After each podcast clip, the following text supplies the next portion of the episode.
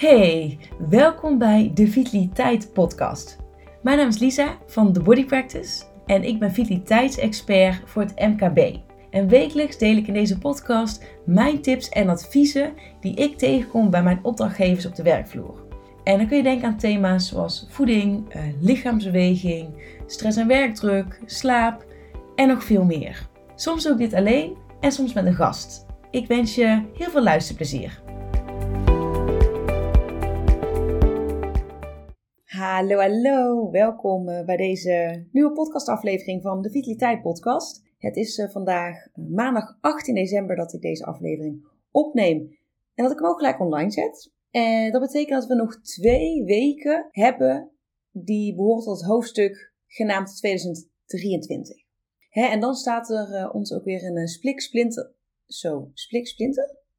Splik splinter nieuw? Nou, eh, dan staat er weer ons een volledig nieuw hoofdstuk te wachten. Jezus, dit begint al goed. Oh, nou, ik ga gewoon door. Doe net alsof het erbij hoort. Um, dan staat er weer een nieuw hoofdstuk te wachten, genaamd 2024. En ik wil dus in deze aflevering en in de volgende aflevering uh, aandacht besteden aan terugblikken, maar ook aan vooruitkijken. En vandaag staat dus in het teken van uh, terugblikken, terugblikken op 2023. Waarom is het nou zo ja, belangrijk en zo goed om dit te doen. Um, wat kan jou dit brengen? Voor je mentale gezondheid, voor je algehele vitaliteit. Um, maar ook gewoon voor um, ja, dat je weer eigenlijk op een positieve, goede noot en met volle bak goede positieve energie aan het uh, nieuwe jaar kan gaan beginnen. En dan ga ik volgende week bij, in die aflevering stilstaan bij uh, ja, vooruitkijken. En uh, hoe je dat op een goede manier kan doen. echt ondersteunend ten aanzien van jouw doelen, of het nou op persoonlijk vlak is of op professioneel vlak. Dus um, dat leken mij wel twee mooie afsluiters van het um, ja, de derde seizoen van de Vitaliteit Podcast en daarmee dus ook van uh, 2023. Hey, waarom is het nou goed om echt even een moment te nemen om stil te staan en terug te blikken? Want heel vaak zijn we geneigd om maar gewoon lekker door, door, door te gaan. En zo'n uh, einde van het jaar, hè, als we zo richting, um, ja, richting de feestdagen lopen, is het vaak wel zo'n ja, typisch moment dat we er niet aan komen om toch even terug te blikken. En ik zou je dat ook echt ten zeerste willen aanraden om ja, gebruik te maken van, die, um, ja, van dat, dat natuurlijke moment dat er uh, ja, weer iets nieuws aan zit te komen en dat je automatisch daardoor ook wat gaat terugblikken. En ik wil eigenlijk gewoon een aantal zaken met je doornemen waarom het dus zo goed is en wat het jou dus brengt om, uh, om terug te blikken. En dan wil ik deze aflevering eindigen met um, ja, hoe je dat nu op een succesvolle manier kan doen. Dat je er ook echt iets aan hebt. Nou, om te beginnen, um, ja, waarom is het dus goed om even echt een moment te nemen om stil te staan en terug te blikken op het afgelopen jaar? Nou, allereerst um, heeft dat te maken met een stuk ja, reflectie en zelfbewustzijn. Want het terugblikken, dat, uh, ja, dat stelt je in staat om eigenlijk na te denken over al die gebeurtenissen, prestaties, um, uitdagingen van het afgelopen jaar. En dit helpt je dus heel erg om te begrijpen, maar ook om te waarderen hoe jij bent gegroeid het afgelopen jaar en wat er allemaal wel niet is gebeurd in jouw leven. En het creëert dus ook, nou, ik moet zeggen, het vergroot dus ook jouw zelfbewustzijn, wat ja, heel belangrijk is om, uh, uh, om aandacht en tijd aan te besteden. Nou, en als ik het even op mezelf betrek, nou ja, Zoals je wellicht weet stond um, uh, mijn jaar voornamelijk in het teken van mijn burn-out, maar ook van het herstellen daarvan. Want ik heb eigenlijk tot ja, augustus um, in die burn-out gezeten, als we het hebben over alleen 2023. En vanaf augustus is eigenlijk mijn herstel ingezet. En dit gaat misschien heel raar klinken, maar ik had dit dus echt voor geen goud willen missen. Ik heb namelijk zoveel geleerd van en door mijn burn-out. En ja, ik moet toegeven, het was heel intens. Het was heel pijnlijk. Het was confronterend. Maar het was ook de meest diepgaande en ja, betekenisvolle ervaring uit mijn leven. En kijk, heel eerlijk, als ik terugdenk aan die momenten uh, van dat ik echt diep, diep, diep in die burn-out zat, ja, dan kan ik ook echt weer even die hele rauwe pijn en en dat verdriet en die donkerte, die kan ik weer helemaal voelen. En dat is heel oncomfortabel. En we zijn ook heel erg geneigd om vooral dat soort momenten, om daar echt bij uit de buurt te blijven, bij dat soort emoties, ervaringen. Ehm, en dat is gewoon onderdeel van onze overlevingsstrategie. Maar het is dus wel goed om het juist wel te doen, omdat, nou ja, allereerst mag alles er zijn. alle emoties, alle ervaringen, alle, ook alle donkerte, alle pijn, alle gekwetste gevoelens, alles mag zijn. dus je mag overal ruimte aan geven. En juist door het te laten zijn, kan het ook stromen en kan het door je, je lijf heen bewegen.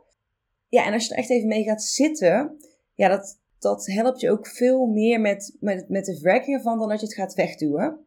Maar goed, dus ik, ik doe dat heel bewust. Echt er even wel stilstaan. Het is niet dat ik helemaal in ga verdrinken of er helemaal in ga hangen. Helemaal niet. Maar het mag er wel ook zijn. Kijk, dat ik me nu beter voel, wil niet zeggen dat die, ja, dat, dat, dat, die burn-out van, van in ieder geval 2023, acht maanden, er, dat die er niet meer mag zijn. Dat ik die nu moet wegduwen van nou, nu gaat het goed, dus hup, we kijken niet meer om. En ik wil je dus uitdagen om dit ook te doen. Hè? Om ook natuurlijk in eerste plaats naar al die fantastische, mooie herinneringen en ervaringen te gaan, al die prestaties, maar ook stil te staan bij ehm, ja, de pijnlijke en moeilijke momenten. Want, nou ja, dit brengt mij gelijk bij het volgende punt. Want dat is namelijk erkenning van jouw prestaties en van je um, successen en van je ja, overkomingen. En dat uh, is dus ook een van die dingen waarom het zo belangrijk is om terug te blikken. Want door terug te kijken naar het afgelopen jaar, geef je jezelf de kans om je successen en je prestaties te erkennen, maar ook echt te kunnen vieren. En echt even stil te staan bij: wauw, hoe ver ben je wel niet gekomen dit jaar en wat heb je allemaal niet overwonnen? En door echt bijvoorbeeld voor mij terug te gaan naar die burn-out, wordt het me zo duidelijk hoe ver ik het heb geschopt en hoe ik ben gegroeid als persoon en hoe ik ja, echt niet meer dezelfde ben als, als voor mijn burn-out. En juist op een hele goede manier. En hoe ik juist ook des te meer mezelf ben geworden. Daar heb ik natuurlijk in de eerdere podcast ook al uitgebreid over gehad. Maar door juist ook echt even die, die prestaties te erkennen, um, ja, dit draagt enorm bij aan een gevoel van voldoening en, en trots. Maar ook, ja, het is ook heel positief voor jouw zelfbeeld, voor je zelfvertrouwen uh, en voor je geluksgevoel. En ja, dat zijn allemaal zaken die je natuurlijk enorm wil ontarmen en die je wil ja, vergroten. En waar je gewoon, um, ja, waar je echt even bewust bij stil wil staan. Um, een derde ding is dat je door terug te blikken ook heel goed de leermomenten kan identificeren. Want het geeft je de kans om, om te leren van eventuele tegenvallers of, of uitdagingen. Dingen die anders liepen dan je had gehoopt of had verwacht. En, want laten we eerlijk wezen, 9 van 10 keer lopen dingen anders dan we willen, hopen, verwachten. En soms is dat ook juist, nou niet soms, vaak is het ook juist goed. Um, ik speel de laatste tijd heel erg met het, um, het credo: je krijgt niet altijd wat je wilt, maar wel wat je nodig hebt. En dat is iets wat ik zeker de laatste maanden ook heel sterk heb ervaren.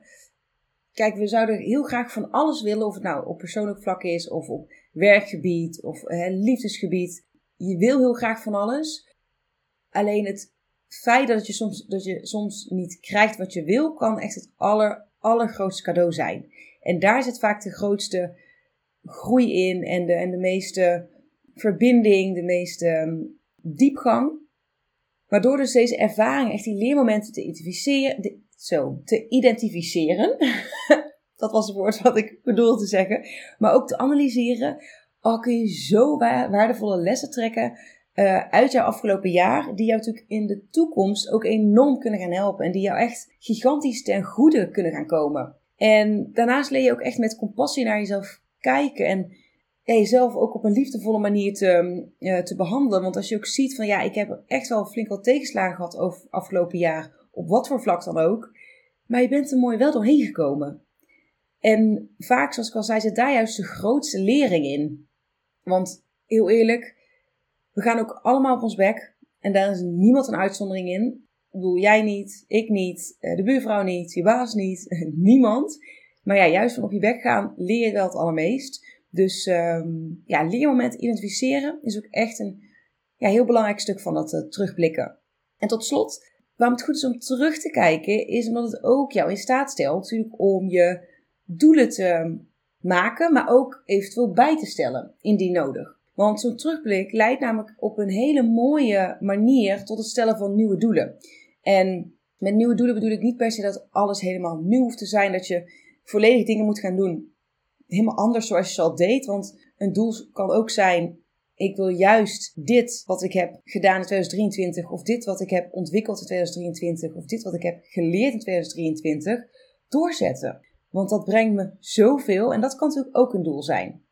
Ja, dus terugblikken stelt je gewoon in staat om, ja, om je doelen en je prioriteiten eigenlijk te, te evalueren, uh, bij te stellen, aan te scherpen en daar gewoon echt even bewust bij stil te staan. En dan kun je dus ook beoordelen van, hè, ben ik op het goede pad? Ben ik met de juiste dingen bezig? Besteed ik nog steeds mijn tijd, aandacht, energie aan datgene wat me gelukkig maakt? En ben ik daar überhaupt nog wel bewust mee bezig? Of ja, ben ik maar gewoon dag in dag uit maar gewoon aan het overleven of maar gewoon mijn ding aan doen zonder echt dat stukje bewustwording. Maar goed, daar wil ik, eh, bij deze laatste wil ik ook heel graag volgende week gewoon uitgebreider stilstaan. En dan komen we nu eigenlijk bij het tweede stuk van deze podcast en dat is waar begin je met terugkijken? Wat is nou een fijne, constructieve manier om terug te blikken op, jouw uh, op jouw afgelopen jaar?